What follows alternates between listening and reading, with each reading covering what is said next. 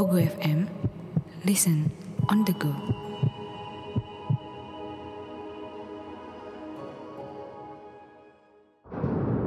Hai, saya Chow Sing Sing. Selamat datang di podcast Horror Night Story. Pasang telinga, buka pikiran, dan biarkan rasa takut merayap di dalam dirimu. Selamat mendengarkan.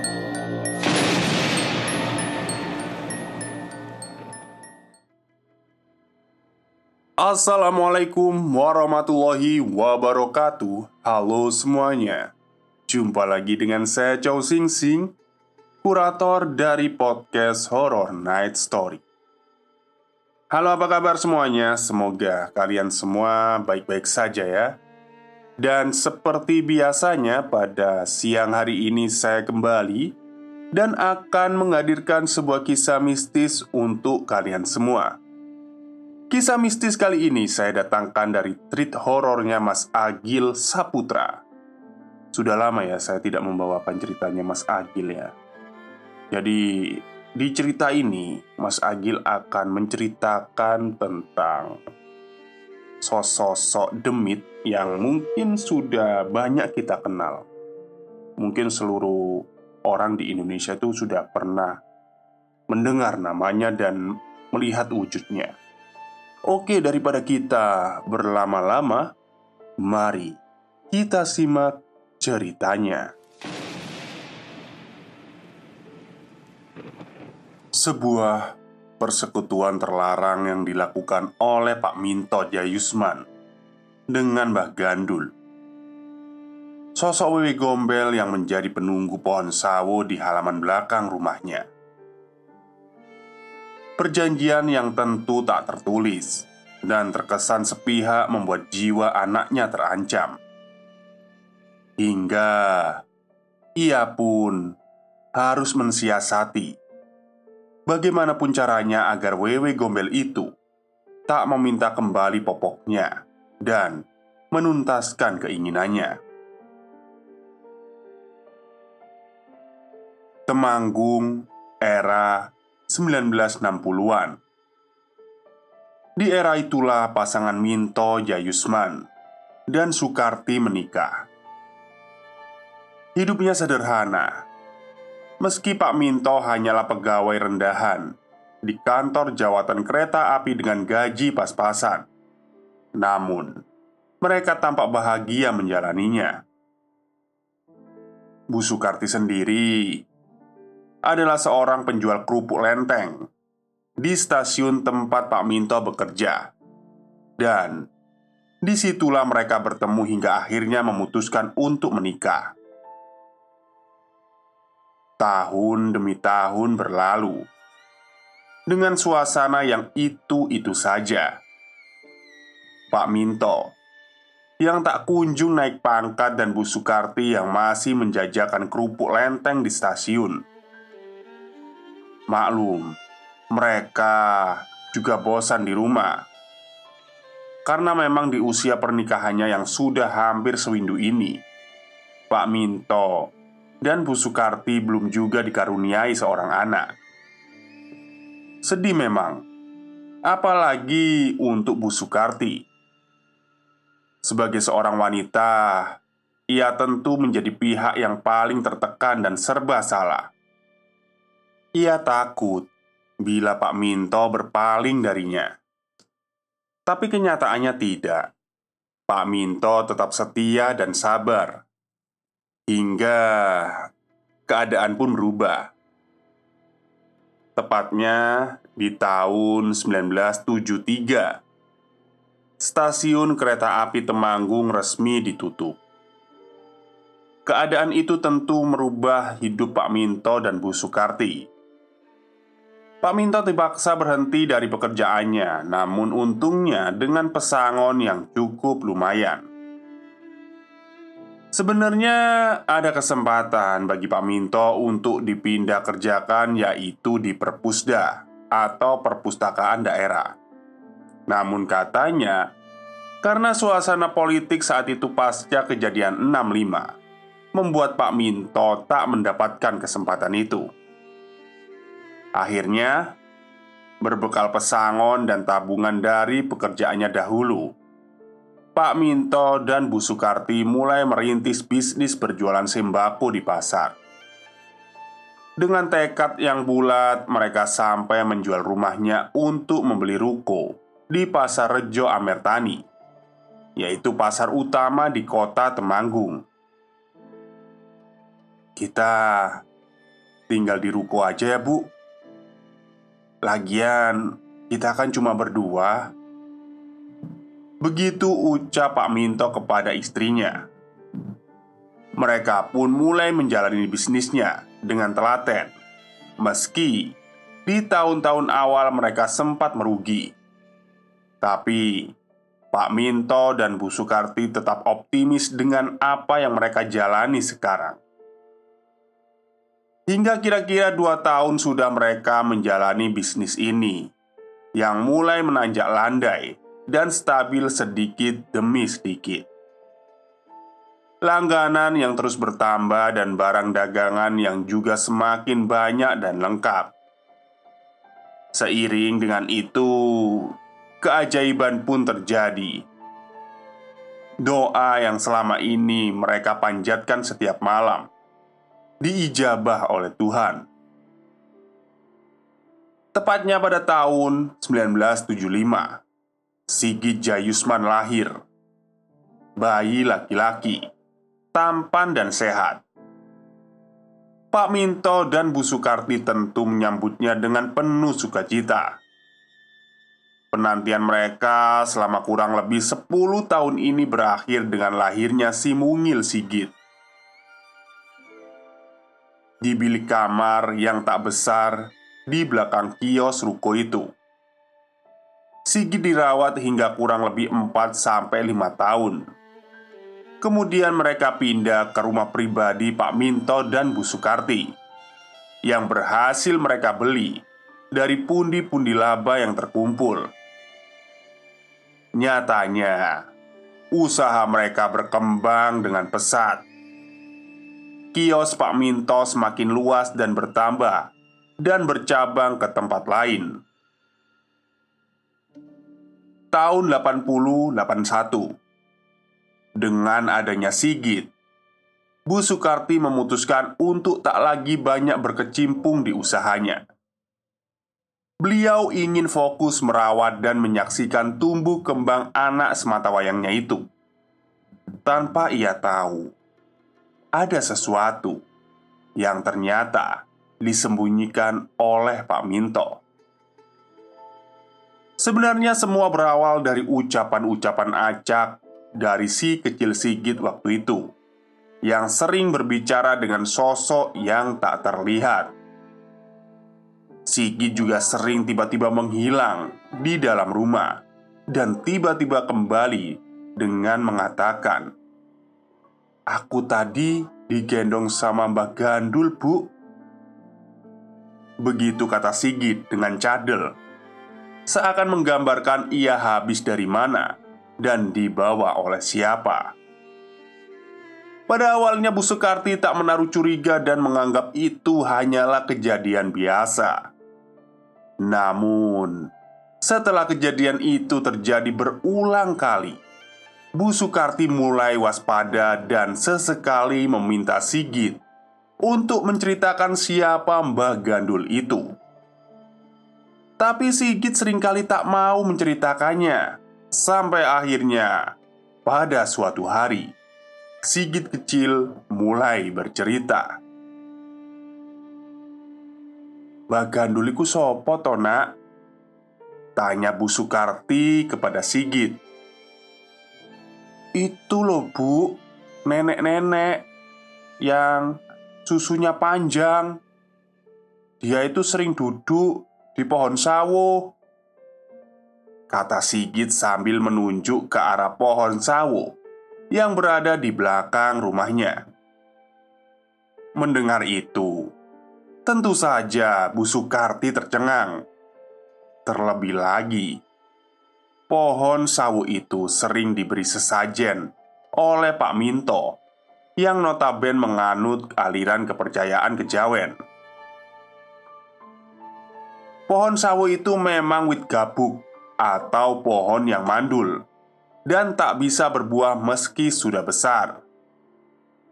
Dan menurut kepercayaan kejawen kuno, pohon mandul itu diibaratkan sebagai perwujudan sebuah pengorbanan dan sering diberikan sesajen sebagai wujud penghormatan karena konon kemandulannya itu untuk menyuburkan pohon atau tanaman di sekitarnya.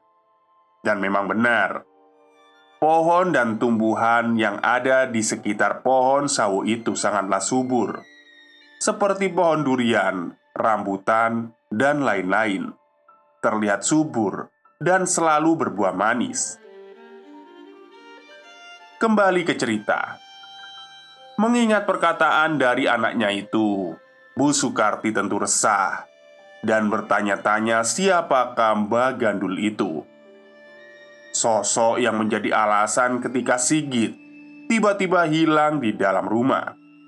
Dan dideskripsikan oleh Sigit sebagai nenek tua berpayudara panjang.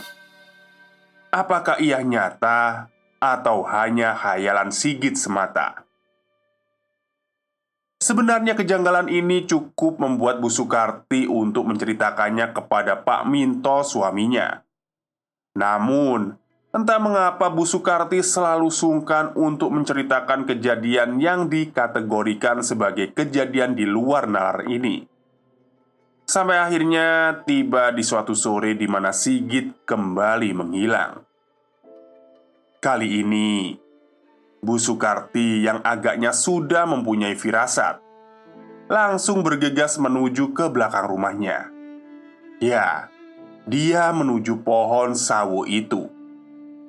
Waktu itu hari sudah menjelang petang. Suasana sudah agak gelap. Dengan lentera kecil ia berjalan mendekati pohon itu sambil memanggil nama anaknya. Sigit, nak, Sigit, kamu di mana, nak? Ucapnya. Namun, sahutan yang terdengar justru bukanlah suara dari Sigit, melainkan suara desisan gaduh dan gesekan daun dari pohon sawo yang ini berada di depan matanya. Sebenarnya mulai timbul rasa takut di hati Bu Sukarti. Namun ini masalah anaknya. Dengan perlahan, Bu Sukarti mulai menaikkan lenteranya, menerangi sisi atas pohon itu, dan Seketika ia terpaku kaku menatap apa yang ada di atas pohon itu.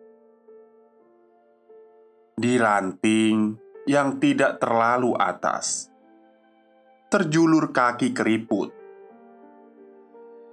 Sosok itu tengah duduk berongkang-ongkang, seraya tertawa mendesis. Pandangan Bu Sukarti tak bisa lepas dari sosok itu. Beliau seperti terhipnotis dan entah bagaimana ceritanya.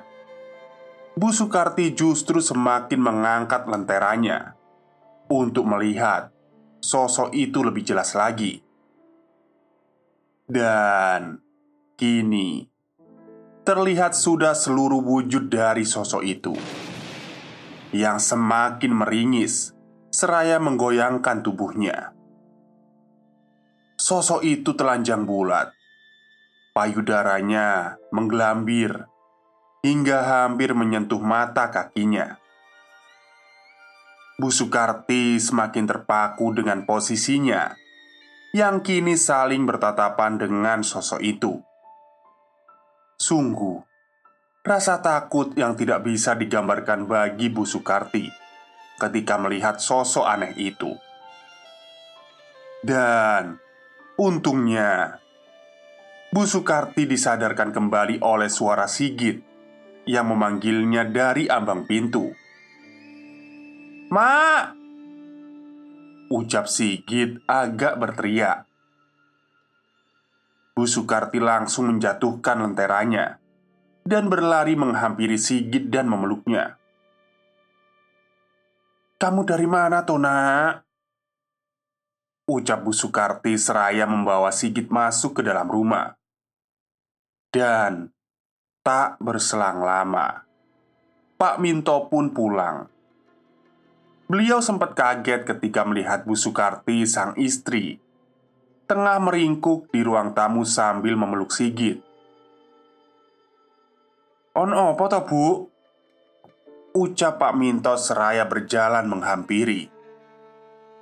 Dan setelah dirasa cukup tenang Bu Sukarti pun menceritakan hal itu kepada Pak Minto.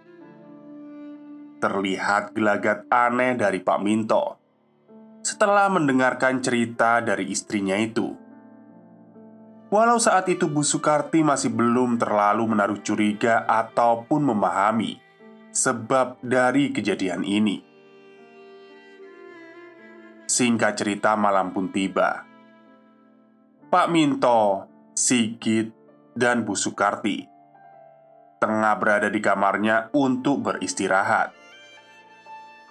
Di sini Sigit sudah terlelap, begitu pula dengan Pak Minto. Namun tidak bagi Bu Sukarti. Ia terlihat masih terjaga sambil memandangi langit-langit kamar. Kembali ia mengingat kejadian sore tadi yang masih menetap hangat di kepala dan pikirannya.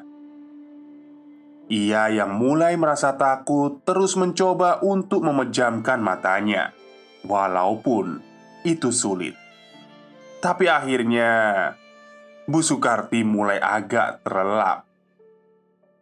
Namun itu tak berselang lama karena beberapa saat kemudian Terdengar suara anak ayam yang berpindah-pindah Seakan sedang mengelilingi rumahnya Itu dirasa janggal bagi Bu Sukarti Karena keluarganya sama sekali tak memelihara ayam Mendengar itu, ingatan Bu Sukarti tentang mitos-mitos zaman dulu mulai menyerang nalar dan logikanya. Namun, ia masih mencoba untuk menepisnya. Walau suara itu makin lama makin terdengar jelas dan seperti merangsek ke area dalam rumahnya. Bu Sukarti yang mulai ketakutan langsung menutup seluruh tubuhnya dengan selimut. Keringatnya bercucuran dia kini merasakan hawa yang sangat panas di dalam kamarnya. Hingga tak selang beberapa lama, perlahan suara ciakan anak ayam itu pun menghilang dan tidak terdengar lagi. Hawa di kamar itu terasa semakin panas saja, tidak seperti biasanya. Bu Sukarti yang tak tahan mulai memberanikan diri untuk membuka selimutnya. Namun, belum sampai ia membukanya, tiba-tiba selimutnya terseret dengan sendirinya. Spontan, Bu Sukarti langsung menjerit karena yang baru saja menyeret selimutnya itu adalah sosok yang tadi sore yang ia lihat di atas pohon sawo. Ya, sosok wanita tua yang telanjang bulat itu. Pak Minto yang mendengar jeritan langsung terbangun, dan dia juga melihat sosok wanita berpayudara panjang itu masih berdiri di tempat yang sama, dan Bersamaan dengan itu, Sigit yang juga tidur dalam satu ranjang itu terbangun. Bagandul, kata Sigit dengan polosnya. Sontak, Bu Sukarti langsung memeluk anaknya dan menjauh ke sudut ranjang. Sementara mulai terlihat respon aneh dari Pak Minto ia memposisikan tangannya seperti layaknya menyembah dan berkata, "Jangan sikit, Mbah. Jangan sikit." Ucap Pak Minto kepada sosok itu. Dan kini, terlihat raut kemarahan dari sosok itu yang diduga kuat adalah Wewe Gombel. Sosok menyeramkan itu pun mulai berjalan mendekati Bu Sukarti yang meringku di sudut ranjang bersama Sigit. Melihat itu, Pak Minto langsung berlari dan membuka lemari yang berada di sampingnya. Pak Minto mengeluarkan selembar kain lusuh dari kotak kayu dan menggenggamnya. "Ampun, Mbah, jangan sekarang, Mbah." Ucap Pak Minto dengan nada tinggi sambil menunjukkan kain itu kepada sosok Wewe Gombel itu. Sosok itu menoleh ke arah Pak Minto dan mengacungkan telunjuknya. Berjalan mundur dan menghilang menembus tembok-tembok kamar. Bu Sukarti masih shock. Tapi kecurigaannya kini tak terbendung setelah melihat dan mendengar gelagat suaminya tadi Seketika ketakutannya berubah menjadi kemarahan. Ia langsung mencecar pertanyaan kepada suaminya itu tentang apa yang terjadi dan apa yang Pak Minto lakukan. "Oh, jadi sampean mau menumbalkan Sigit ya, Mas?" ucap Bu Sakarti dengan nada yang meninggi. Mendengar itu, Pak Minto hanya terdiam. Sesungguhnya ia tak bermaksud untuk menumbalkan Sigit. Namun persekutuan inilah yang telah menjebaknya. Bukan gitu, Bu. Uh, ini masalahnya rumit. Ucap Pak Minto yang sudah terpojok. Percuma, Mas, kita kaya. Kalau nggak bisa ngerawat anak, Ucap Bu Sukarti seraya menitihkan air mata. Maafkan aku, Bu. Maksudku itu bukan seperti itu. Ucap Pak Minto sambil memeluk istrinya dan anaknya. Sejak kejadian itu Pak Minto menyuruh Bu Sukarti dan Sigit pergi ke Bantul dengan maksud untuk mengamankan diri di rumah orang tua Bu Sukarti. Sementara di rumah, Pak Minto mulai mempersiapkan cara untuk menggagalkan perjanjian itu.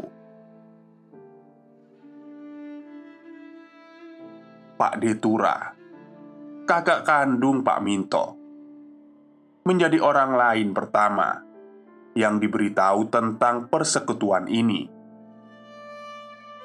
Sebetulnya, beliau juga agak mengerti tentang hal-hal seperti ini.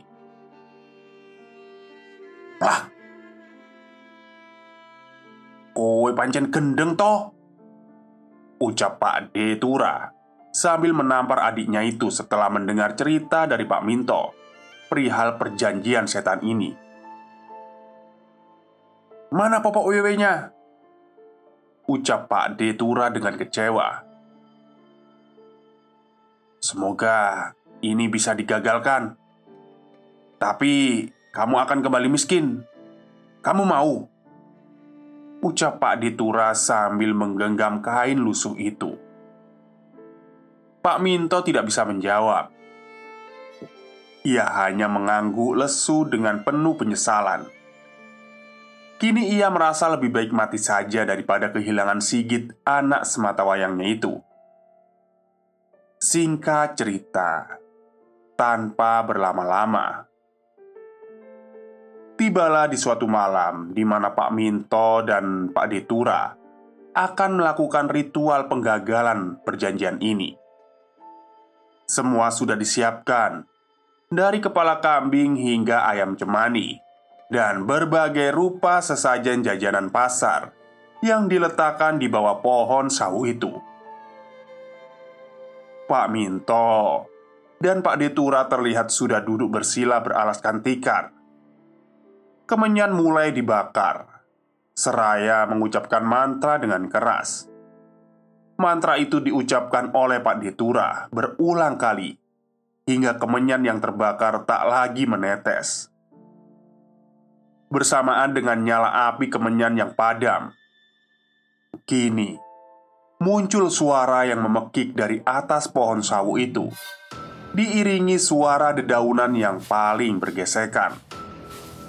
Dan turunlah makhluk itu dengan terbalik. Kepalanya yang muncul terlebih dahulu sambil berkata, "Mintoku, di mana anakku Sigit?" Ucap Wewe Gombel itu. Seraya turun dari atas pohon Dan kini berdiri di depan Pak Detura dan Pak Deminto.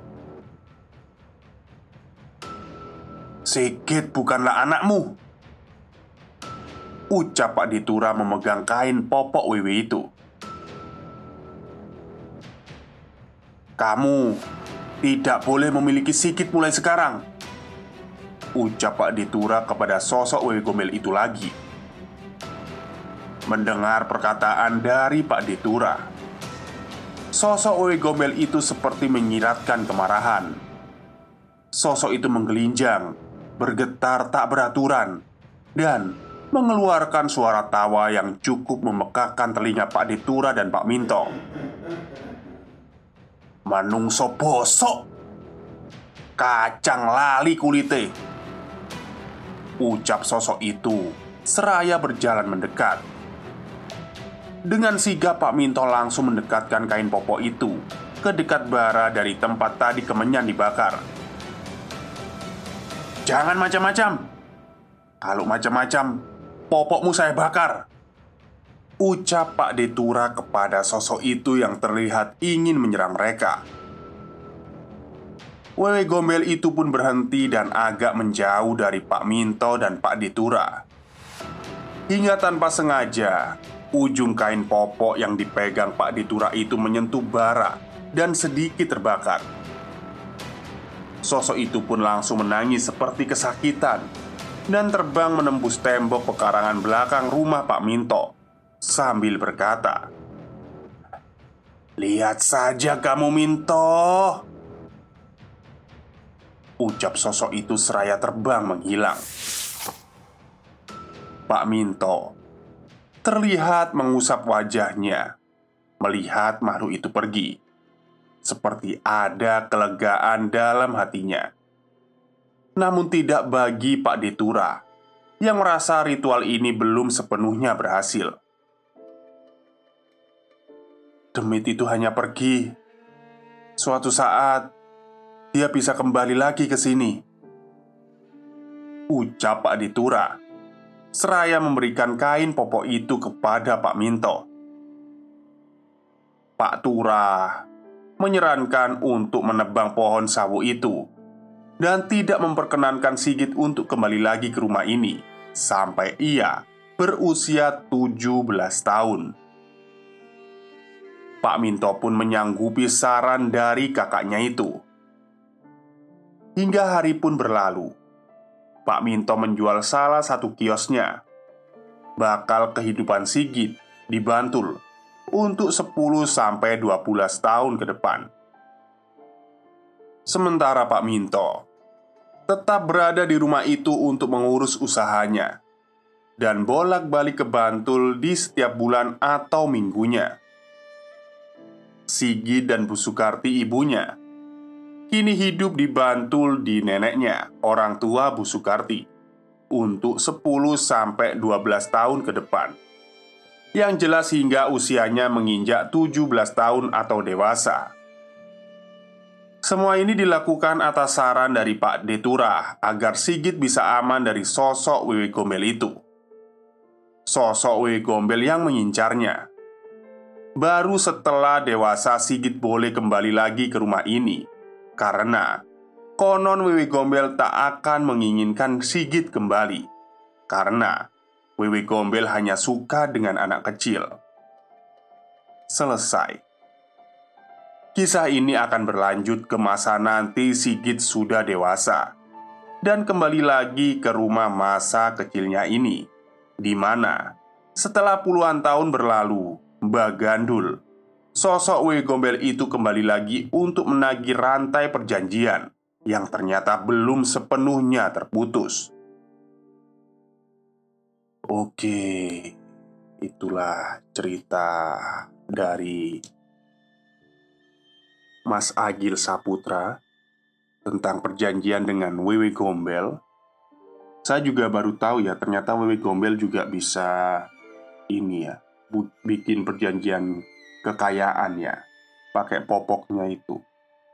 Dan ternyata saya juga baru sadar Mbak Gandul itu mungkin kenapa Sigit manggil Mbak Gandul Mungkin karena payudaranya itu kan panjang ya Wewe Gombel itu ya Terus kayak gandal-gandul gitu ya Mungkin kayak bergoyang-goyang jadi manggilnya Mbak Gandul Oke, statement yang kurang penting ya menurut saya. Baik, mungkin itu saja cerita untuk siang hari ini. Semoga kalian semua suka. Selamat hari Senin dan selamat bekerja.